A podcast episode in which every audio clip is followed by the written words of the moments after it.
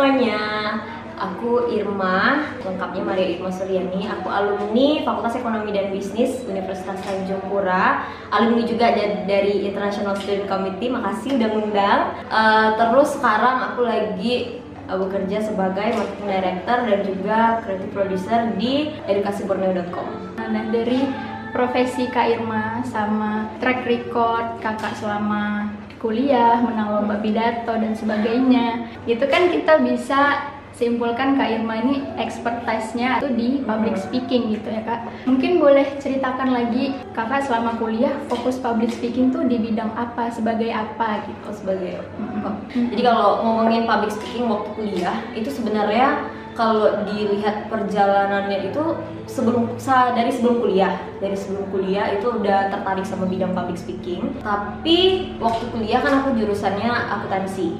Nah karena aku jurusannya akuntansi which is itu em, tidak terlalu banyak eh, berkaitan dengan public speaking kalau bisa dibilang. Karena kan mostly kita ngitung hitung-hitungan angka dan sebagainya macamnya kan. Sementara aku orang yang tertarik sebenarnya eh, ngomong gitu di depan publik dan segala macam.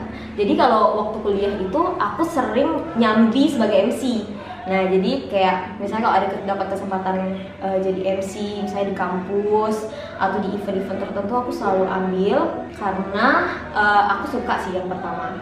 Jadi waktu di kampus itu kan banyak banget event kan. Kayak misalnya maksudnya kayak event-event dari mahasiswa terus misalnya event-event dari dosen setiap diminta jadi MC atau diminta jadi kayak pembawa acara aku selalu ambil gitu jadi belajarnya dari situ karena memang eh, pertama karena aku suka kedua gara-gara em, di jurusan aku sendiri tuh nggak terlalu dapat melatih di sisi public speakingnya gitu itu sih Oke, berarti pertama kali kakak menyadari bahwa oh aku ada nih minat dan bakat di bidang public speaking itu sebagai MC tadi ya kak. iya sebagai MC Hmm. Oke. Terus setelah itu kakak lanjut mengembangkan bakat itu secara otodidak kah? Atau ada sumber lain? Atau ada mentor mungkin? Kalau sebagai MC sih sebenarnya dari awal tuh otodidak dulu gitu. Nah tadi kan aku cerita yang eh, mungkin selama selama kuliah itu kebanyakan ngambil berlatihnya ya itu eh, sebagai MC. Tapi aku juga sering ikut-ikut lomba yang kayak berkaitan dengan public speaking sih. Kayak misalnya kayak lomba speech kayak kayak gitu. Bahkan ada lomba speech yang aku selalu ikutin kok di FOB Pekan Raya Ilmiah pokoknya aku setiap tahun aku selalu ikut itu. Kecuali waktu waktu exchange kan karena memang lagi di luar. Jadi itu pekan raya ilmiah yang berapa ya kedua kayaknya.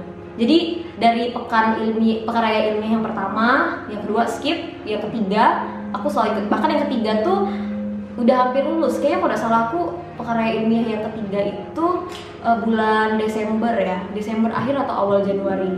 Which is aku tuh em, lulus akhir Januari. Jadi kayak di tengah-tengah di kala sebelum lulus tuh beberapa waktu sebelum lulus aku masih nyempatin ikut lomba di, di bagian public speaking gitu. Nah, eh, balik lagi ke pertanyaannya apakah em, ada mentor atau belajar sendiri? Itu pasti yang pertama tuh harus selalu didahului dengan belajar sendiri jadi dari niat kita dulu gitu kan nggak bisa kayaknya kalau menurut aku seseorang itu kalau emang dia nggak tertarik di bidang public speaking dipaksain suruh ngomong ada yang dia gemetar kan? Maksudnya di kalau disuruh ngomong depan depan publik dan segala macam. Jadi harus dari dirinya dulu punya niat gitu. Kalau udah niat berani eh, satu kali dua kali setiap punya kesempatan belajar. Dari dari maba pun ada dulu yang pertama kali tuh eh, namanya ini accounting speech contest. Kalau yang di di jurusan aku accounting speech contest. Dan itu kayaknya lomba pertama kali yang aku ikutin yang berkaitan dengan public speaking dan juga pertama kalinya istilahnya aku nunjukin kalau aku tertarik di bidang public speaking di kampus gitu. Sebelum akhirnya aku ikut lomba-lomba yang lain dan waktu itu kebetulan juara satu juga. Nah setelah itu barulah eh, kayak ditawarin eh, kayak MC di eh, acara-acara mahasiswa atau acara-acaranya dosen, acara- acara-acaranya kampus gitu.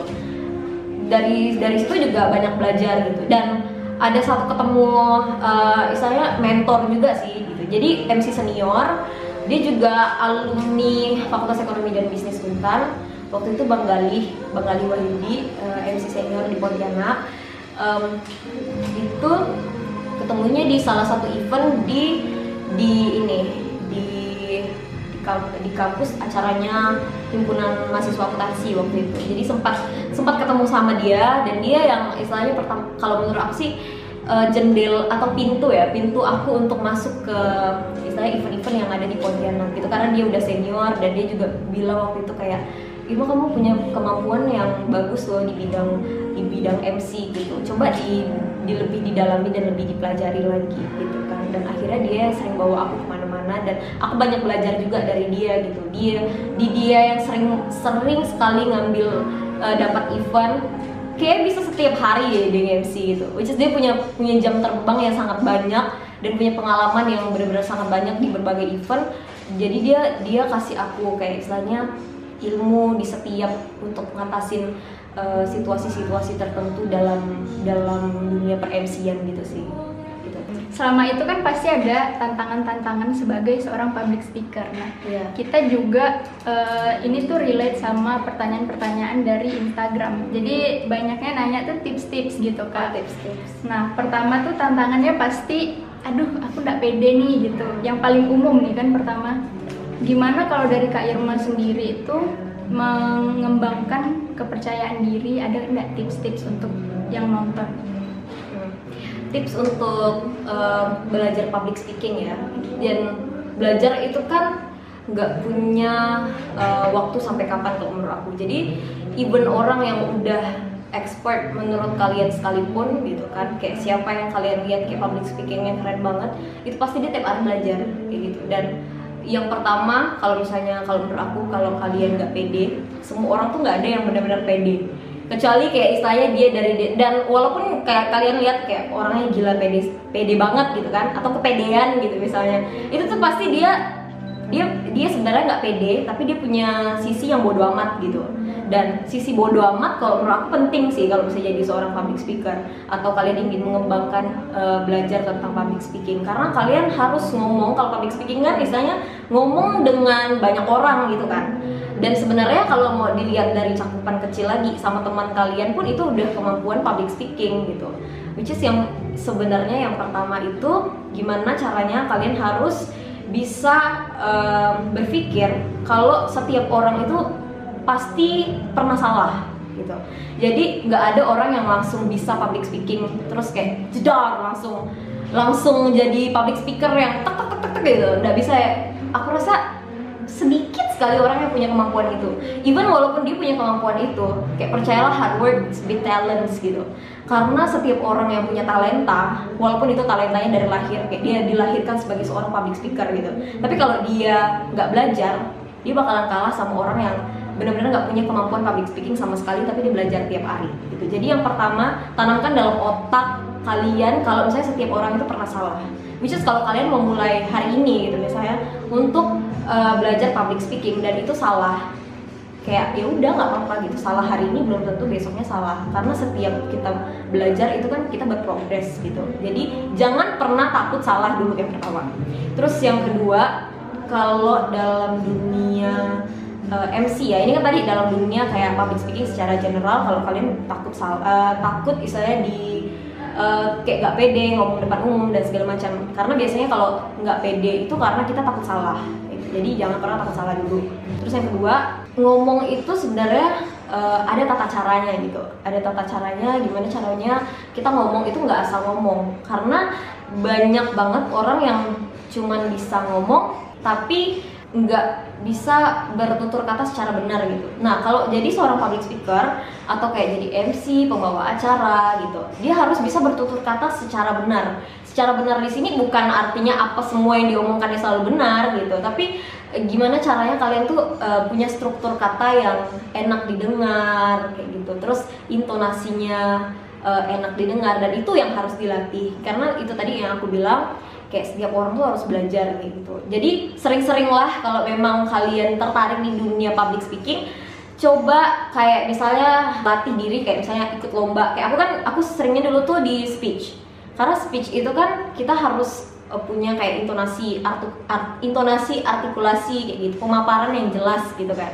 Nah bisa juga kalian misalnya ikut lomba-lomba kayak gitu gitu. Atau sekedar bicara di cermin gitu. Atau misalnya nih ada satu topik kalian coba omongin ngomong aja gitu. Itu bisa jadi salah satu latihan. Karena biasanya kita itu nggak bisa mengungkapkan apa yang ada di dalam otak kita gitu. which is kita sebenarnya punya banyak banget ide punya banyak banget yang ingin di misalnya dikomunikasikan tapi mulut nih susah ngomong gitu kan biasanya kan.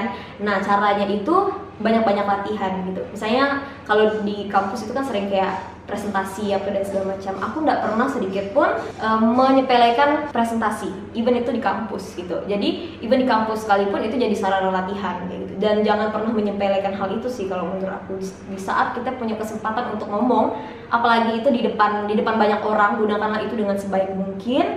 Dan jangan sampai kayak orang itu nggak ngerti apa yang kita omongkan jadi kayak kita harus berusaha membuat orang itu ngerti. Nah, saat orang udah ngerti, udah ngeh gitu kan, apa sih sebenarnya yang ingin kita omongkan dan tanya lagi kayak misalnya pendapat dari orang-orang yang dengerin misalnya kayak aku ngomong tadi kok ngerti nggak sih? Nah, biasa aku dulu, aku sering kayak gitu dulu, jadi kayak tadi aku ngomong kayak gini, kok ngerti tidak apa yang aku jelaskan gitu? Dan kita bakalan dapat insight dari orang. Dan itu tadi yang aku bilang jangan pernah berhenti belajar dari situ. Jangan sombong gitu. Kalau misalnya kita punya kemampuan ada orang yang punya kemampuan lebih tinggi dari kita karena dia belajar tiap hari gitu. Dan kalau tantangan tuh banyak ya ngomongin soal tantangan. Aku itu pernah lomba ini waktu SMA jadi lomba speech. Sebelum aku uh, kuliah aku waktu kuliah tuh selama kuliah uh, buka ini bukan sombong ya kayak ini mau memotivasi gitu kan.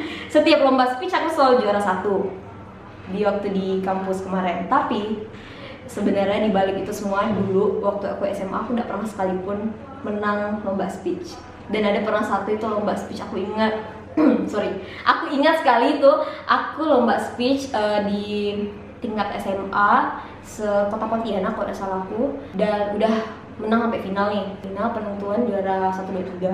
Dan waktu itu karena pengumuman finalnya itu pada saat satu hari sebelum lomba. Jadi penyisihan nih penyisihan hari ini hari ini keluar pengumuman yang masuk ke final finalnya itu besok. Dan uh, topiknya impromptu waktu itu dan aku lagi ini lagi ulangan umum. Jadi benar-benar fokusnya semuanya kayak benar-benar berantakan. Dan itu pengumumannya juga sore lombanya besok pagi gitu. Jadi aku belum buat naskah belum ngapalin belum semuanya. Dan akibatnya pada saat itu aku gagal di mimbar di mimbar final. Jadi benar-benar speech itu biasanya 7 menit dan aku cuma tiga menit dan blank. Benar-benar literally blank. Nggak tahu apa yang ingin diomongkan dan itu kayak judges semuanya semuanya pada lihat karena itu final karena pasti banyak yang datang kan. Dan akhirnya aku kayak terbata-bata dan kayak I'm sorry I'm finish my statement. Thank you for your kind attention. Goodbye. Kayak gitu kan.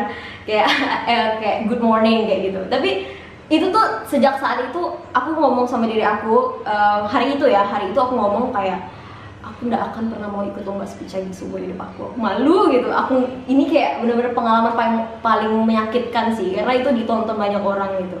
Dan besoknya aku langsung harus ulangan susulan karena uh, waktu SMA aku orangnya yang saya concern sama akademis juga gitu. Dan pada saat ulangan umum which is itu adalah momen yang paling penting momen waktu itu naik naik kelas ya atau mau ini kayaknya ulangan umum terakhir sebelum ujian. Jadi itu, itu penting gitu buat aku dan aku tetap harus ikut lomba. Dan lombanya kayak gitu pula hasilnya gitu. Tapi akhirnya aku punya uh, guru pembimbing misalnya itu guru pas SMP 1 waktu itu ngomong e, Irma uh, saya tahu kamu punya kemampuan yang besar gitu. Kamu punya talenta. Jangan pernah nyerah. Nanti di kampus gitu kan di universitas coba kembangkan lagi. Ikutin lomba-lomba yang misalnya uh, kamu belum sempat menang waktu SMA gitu. Coba buktikan ke diri kamu sendiri gitu. Kalau kamu nggak bisa kalau kalau kita bicarakan buktikan ke orang lain itu kan uh, jadinya kayak dendam gitu kan. Tapi kayak coba buktikan ke diri kamu sendiri kalau kamu punya kemampuan itu gitu, dan kamu layak menang. Dan akhirnya uh, lomba pertama yang aku ikutin itulah gitu yang accounting speech contest tadi. Aku menang dan itu jadi kayak pembuka pembuka apa jendela percaya diri aku kalau ini aku bisa kok gitu. Yaudah yuk kita coba kita latih lagi gitu di lomba-lomba yang lain.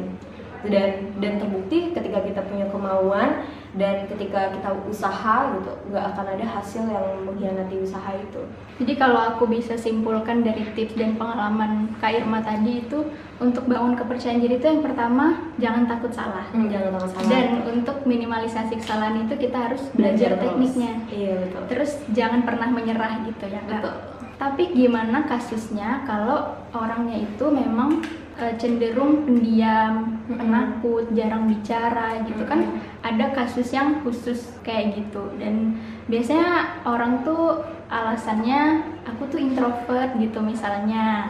Gimana tanggapan Kak Irma secara pribadi dan mungkin ada solusi juga? Hmm. Kalau yang menganggap diri misalnya pemalu, terus introvert itu tadi kan, terus kayak lebih banyak diam, itu siapa sih sebenarnya? Balik lagi siapa sih yang menganggap diri kayak gitu? Kita sendiri kan. Kita sadar, iya aku ini orangnya pemalu gitu. Terus misalnya disuruh nih kayak eh kau presentasi kau bimbing eh, kau pegang ini gitu atau kau bawa ini. Pasti jawabannya kayak ih kau suruh aku aku nih pemalu gitu. Aku nih pendiam gitu. Which is kita kasih statement ke diri kita sendiri dong gitu gitu. Nah yang pertama berarti kayaknya itu bukan pendiam. Kalau menurut aku nggak ada orang yang 100% pendiam dan pemalu bener-bener nggak ada. Itu karena itu karena cuma karena mindset dan pikiran dia sendiri gitu. Tapi karena orang itu tuh eh, nggak mau belajar untuk coba ngomong. Karena semua orang itu butuh ngomong gitu. Sependiam dan sepemalu apa pun orangnya. Karena ketika kita udah dewasa udah kayak gini gitu kan di umur yang istilahnya udah di atas 17 atau di atas 20 itu semuanya butuh ngomong karena kita butuh bangun relasi gitu. Jadi nggak akan ada orang yang selamanya tuh jadi pendiam jadi pemalu. Dan kalau memang dia pikir aku introvert pendiam pemalu ya udah berarti itu memang uh, dari mindset kalian. Masa sih kita mau jadi orang yang selamanya kayak gitu? Enggak dong gitu. Pertama kali sih kalau menurut aku hilangkan dulu mindset itu gitu. Kalau setiap orang even orang pemalu sekalipun kalau dia mau istilahnya uh, out of the box gitu kan keluar dari zona nyamannya dia juga dia bakalan coba berani ngomong gitu. Dan mungkin kalau menurut aku uh, ini opini ya ini opini pribadi mungkin orang kayak gitu tuh biasanya uh, otaknya tuh berpikir terlalu keras dulu sebelum dia bisa mengungkapkan apa yang dia bicarakan gitu. Jadi mungkin ada beberapa tipe orang ya. Ada orang yang kayak mikir mikir dulu nih matang-matang apa yang mau dia bicarakan karena tadi dia takut salah. Terus setelah dia udah dapat nih konsepnya oke aku bakalan ngomong kayak gini. Terus kayak di saya dikonsepin di kertas atau di buku di catatan gitu kan. Terus dia baru dia bisa mengungkapkan apa yang ada dalam pikiran dia. Ada juga yang nyablak gitu. Jadi kayak ngomong semuanya ngomong tanpa ada alur tanpa ada struktur dan segala macam. Itu karena uh, nanti otaknya ini sama sama uh, mulutnya gitu kan. Misalnya kayak kejar-kejaran gitu. Tapi ada orang juga yang tadi karena dia sering berlatih terus dia sering dia sering berlatih dan dia sering belajar kayak bagaimana caranya tata bicara yang baik. Antara apa yang dipikirkan sama apa yang dia ingin apa yang dia ingin utarakan lewat lihat lewat kata-katanya lewat kalimatnya itu berjalan sealur gitu. Jadi menurut aku itu yang paling penting dilatih. Ketika udah sering mikir tanpa istilahnya sering eh, kita udah berpikir keras nih gitu kan terus baru kita ungkapkan apa yang kita pikirkan gitu. Itu kan maksudnya yang membuat kita tuh jadinya kayak kayak jadi orang pendiam karena kita kebanyakan mikir gitu. Nah gimana caranya? Latihan kembali lagi sih kayak ya semua orang tuh butuh latihan gitu. Dan aku pernah aku punya teman maksudnya yang bener-bener dia pikir dia itu introvert. Jadi eh, dia lebih suka suasana yang istilahnya nggak terlalu riuh dan segala macam kayak gitu kan. Terus dia itu juga dulunya ya pendiam pemalu gitu. Jadi kayak benar-benar kalau istilah sekarang tuh kayaknya bureng-bureng kayak gitu kan. Jadi dia tuh burengnya tuh tipe bureng yang benar-benar eh, ini teks textbook gitu. Jadi kayak pokoknya di atas kertas banget burengnya kayak gitu. Tapi sekarang surprisingly dia jadi host. Nah gimana caranya coba gitu kan? Dan dia aja bisa gitu. Dulu dia istilahnya dia dia nganggap diri dia introvert. Dan bahkan sekarang pun setelah dia udah bicara banyak terus dia udah istilahnya habis jadi host dia tetap balik lagi kayak misalnya menyendiri di misalnya di nggak di pojokan juga sih. Kayak misalnya pokoknya menyendiri gitu kayak recharging herself. Jadi kayak diam sejenak minum diam gitu menjauh dari keramaian supaya dapat energinya balik lagi gitu. Which is dia masih tetap kayak dulu kayak introvert gitu. Tapi dia bisa istilahnya punya kemampuan untuk mengu- mengemukakan apa yang dia pikirkan istilahnya. Dan jadi public speaker yang baik. Nah kalau menurut aku sih ketika kita ngecap diri intro, introvert pemalu pendiam dan sebagainya macam itu tuh balik lagi cuma mindset gitu jadi cobalah untuk tidak terpaku pada pada label itu gitu karena setiap orang tuh punya cara cara belajarnya masing-masing Oke, itu tadi kan kalau e, mengembangkan kepercayaan diri apa membangun kepercayaan diri. Sekarang gimana kalau membangun kepercayaan penonton? Nah, jadi e, gimana caranya kita menimbulkan ketertarikan penonton untuk menyimak apa yang kita sampaikan gitu? Oke, menarik nih. Jadi dulu sebelum uh, tadi kan aku cerita yang soal speech tuh ya. Jadi dulu itu waktu SMA aku itu uh, sebenarnya lomba public speaking yang di speech itu baru beberapa kali tapi aku lebih sebenarnya dominannya itu jadi storyteller jadi aku suka di storytelling cerita apa kayak lomba lomba storytelling gitulah nah storytelling itu kan gimana caranya kita buat kita monolog kan kalau storytelling jadi kita yang bercerita dan gimana caranya supaya penonton itu tertarik dengan apa yang kita ceritakan itu kan kalau storytelling. Nah dulu itu aku diajarin sama guru aku caranya supaya uh, penonton itu tertarik dengan apa yang kita bicarakan itu kita harus lebih in, punya interaksi sama penonton. Kita punya interaksi sama penonton. Kalau storytelling dulu kan kita nggak bisa nanya penonton dong kayak e, bagaimana penonton? gitu kan nggak bisa kok nggak bisa dong gitu kan. Which is dulu aku tuh e, cara narik perhatian penonton itu dari mata. Jadi saat kita bercerita kita tatap tuh mata penontonnya gitu. Semakin kita berani natap mata penonton semakin dia tertarik dengan apa yang kita ceritakan. Jadi kayak kita pandangin bener-bener gitu. Jadi kita ngomong nih kita kan ngomong sama orang ya. Kita ngomong sama penonton jangan sampai kita tuh ngomong kayak ngomong sendiri gitu. Terserah penonton mau peduli atau enggak. Kayak kalau menurut aku that's not what public speaker do sih kayak public speaker public kan. Jadi kita tuh berbicara ke ke orang lain gitu. Masa iya? Gimana sih rasanya kalau kita berbicara ke orang lain orang lain nggak dengerin gitu kan? Nah pada saat itulah sepanjang apa pun kalian berbicara apa pun yang kalian bicarakan eh apa pun yang ya apa pun yang kalian bicarakan cobalah untuk e, berkomunikasi dengan penonton. Kalaupun nggak bisa lewat kata-kata lewat lewat mata gitu kayak lewat mata lewat gesture itu kan bisa gitu jadi kayak misalnya waktu presentasi misalnya. Presentasi kan kalian jelasin dong apa yang ada di uh, slide gitu kan apa yang ada di PowerPoint apa yang kalian presentasikan. Which is biasanya teman-teman kalian bodo amat ya kan? Bodo amat. Tapi coba untuk kayak kalau aku sih dulu mungkin tekniknya lebih dekat ke meja mereka terus kayak lebih lebih interaktif aja gitu. Bahkan menurut aku kalau pas presentasi di kelas lebih gampang interaksinya. Jadi kayak misalnya nanya ke mereka atau gimana gitu. Dan kembali lagi gimana caranya supaya kita itu atraktif atau gimana caranya supaya kita tuh um, orang tuh tertarik melihat kita dari pembawaan kita dulu gitu. Jangan gugup. Kalau mau ngomong tuh ya yakin aja apa yang dibicarakan. Jangan kayak kita sendiri tuh nggak yakin apa yang kita bicarakan gimana orang mau dengar kita kan. Jadi kita harus yakin dulu tentang materi yang kita bawakan. Terus uh, pembawaan kayak sesantai mungkin kayak gitu. Karena energi kita itu percaya atau enggak energi kita tuh bakalan nular ke penonton. Jadi kalau kitanya aja malas gugup terus kayak kayak kita tuh ragu apa yang kita bicarakan itu penonton tuh keikut. Tapi kalau kitanya energi terus kalau kitanya itu kayak santai terus kayak kita interaktif energi itu tuh akan sampai ke penonton. Dan itu tuh tergantung di kitanya gitu loh. Karena kita yang membawain materi kan gitu sih. Oke itu kan tadi hal-hal yang disiapkan jauh-jauh hari dilatih gitu ya iya. kak gimana kalau persiapan yang kakak lakukan biasanya kalau hamil satu atau di hari H, iya, iya, iya. apalagi itu kan nervousnya puncak-puncaknya gitu ya kak. Biasanya kalau kakak tuh gimana mengatasinya? Kalau aku nervous itu hal yang sangat amat biasa. Jadi jangan sampai kalian itu mikir kalian pengen ngilangin nervous. Ini ya nih aku syuting ini nih aku nervous kan di diundang, ditanya-tanya nih sama sama sama ISC gitu kan tentang suatu topik gitu istilahnya. Nah jadi jangan pernah uh, belajar untuk ngilangin nervous karena nggak akan pernah bisa sis gitu. Tidak akan tidak akan ada caranya. Tapi meminimalisir itu bisa. Uh, kalau aku pribadi aku tuh selalu minum minum air putih ini ada air putih nih sampai sebelum syuting gitu kan minum air putih terus kalau suka kopi saya uh, yang bikin saya kopi bikin tenang minumlah kopi gitu jadi sebenarnya kita yang tahu kan kita tuh nyamannya tuh gimana sih gitu. Tadi aku habis minum kopi juga.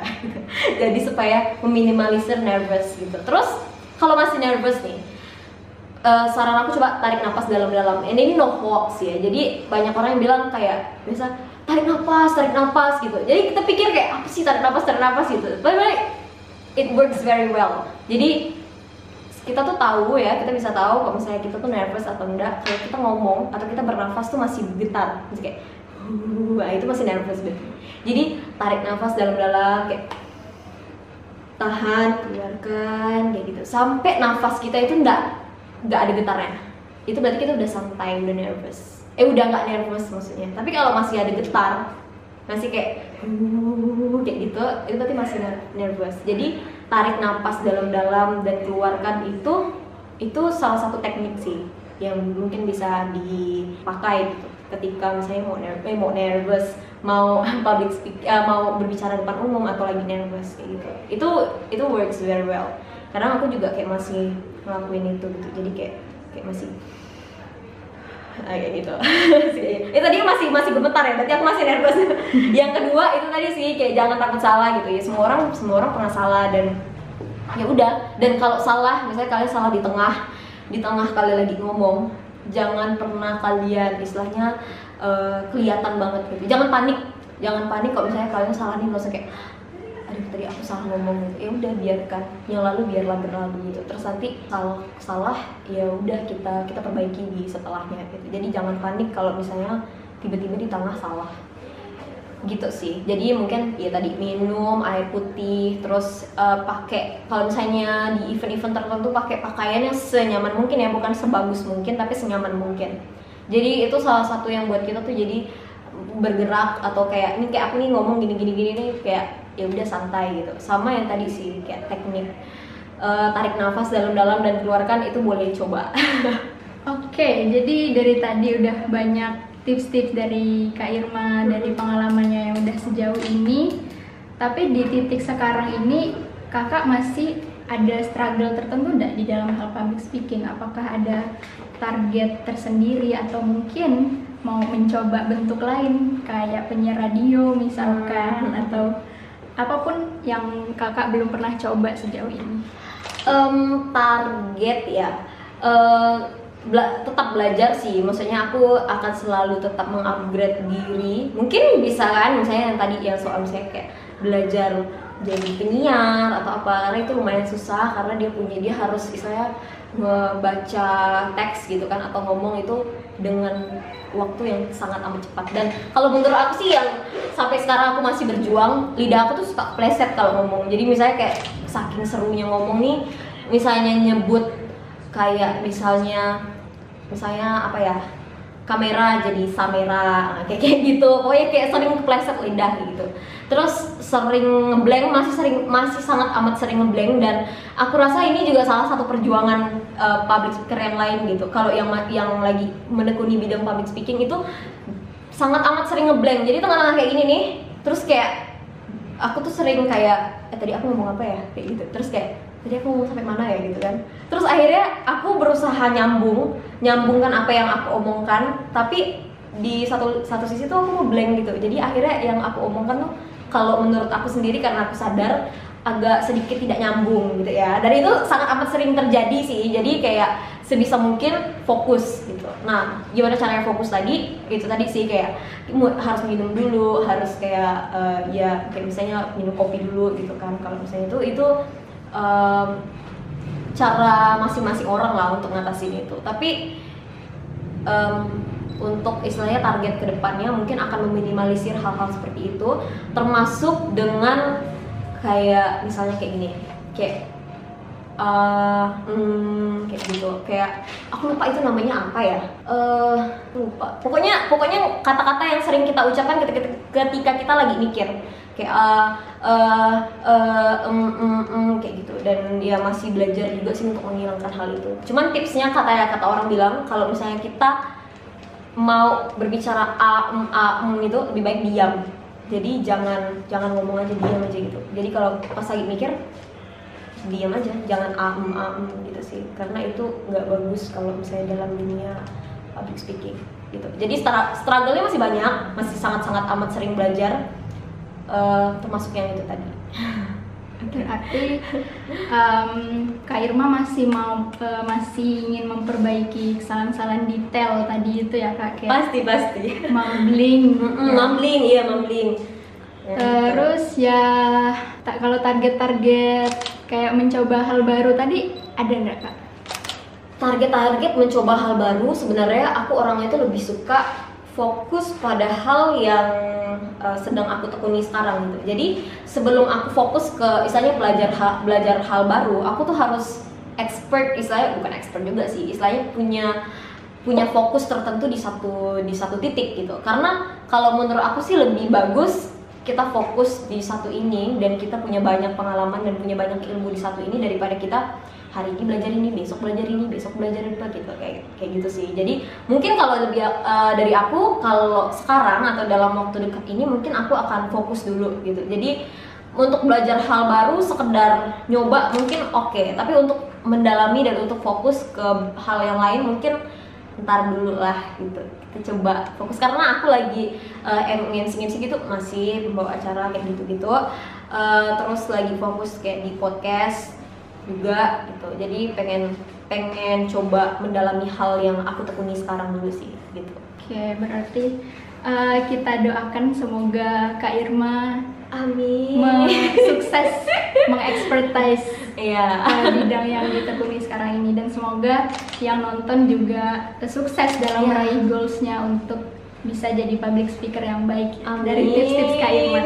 Oke, thank you Kak. Mungkin eh, kata-kata pesan-pesan terakhir untuk yang nonton. um, kayak if you want to be public speaker or if you want to learn a public speaking stuff don't you ever stop to learn sih. Jadi kayak nggak akan ada habisnya untuk belajar itu. Karena karena yang dari apa yang udah aku sampaikan sebelumnya which is itu sebenarnya masih sangat amat dasar dan aku sendiri pun masih struggle banyak hal untuk public speaking gitu. Jadi jangan pernah takut untuk memulai coba gitu. Even sebenarnya walaupun kalian pikir kalian nggak ada nggak ada istilahnya bidang atau nggak punya istilahnya background atau talenta. Mungkin menurut kalian di di bidang public speaking iya yang selalu aku ingat gitu ya dan aku rasa jadi salah satu moto utama hidup aku sih itu tadi sih kayak hard work beats talent when talent doesn't work hard so never stop learning. Oke ah, buat teman-teman juga yang sering em, gabut ya kan? Eh bukan juga bukan juga cuman buat yang sering gabut sih yang punya yang yang suka nonton podcast gitu kan. Aku juga buat podcast. Gue juga buat podcast.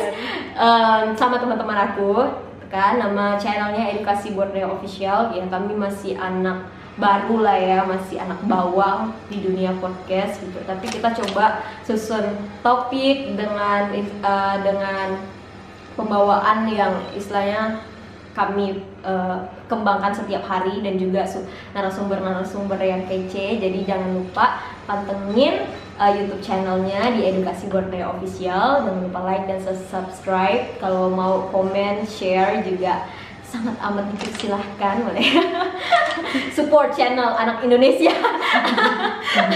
Ja- jangan lupa juga eh, support channel ini di SCF Untan jangan lupa like dan subscribe juga jangan lupa share jangan lupa tinggalkan komen atau apa pun yang ingin kalian bagikan di channel ini. Makasih yang udah nonton. Makasih juga yang udah ngundang. Mohon maaf apabila ada salah kata. Wabillahi taufiq. Ya udah